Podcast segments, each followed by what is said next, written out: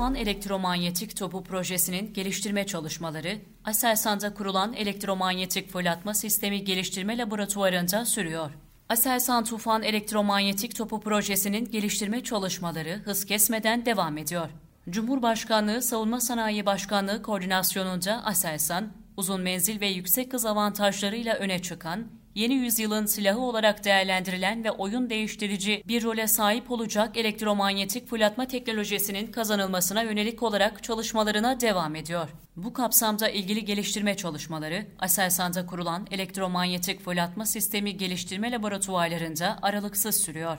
Geleceğin teknolojisi olarak görülen elektromanyetik fırlatma teknolojisi, roket motoru kullanan itki sistemiyle mühimmatın sevk barutu kullanılarak namludan atılmasına dayalı silah sistemlerine alternatif yaratan çığır açıcı bir teknolojik alan olarak tanımlanıyor.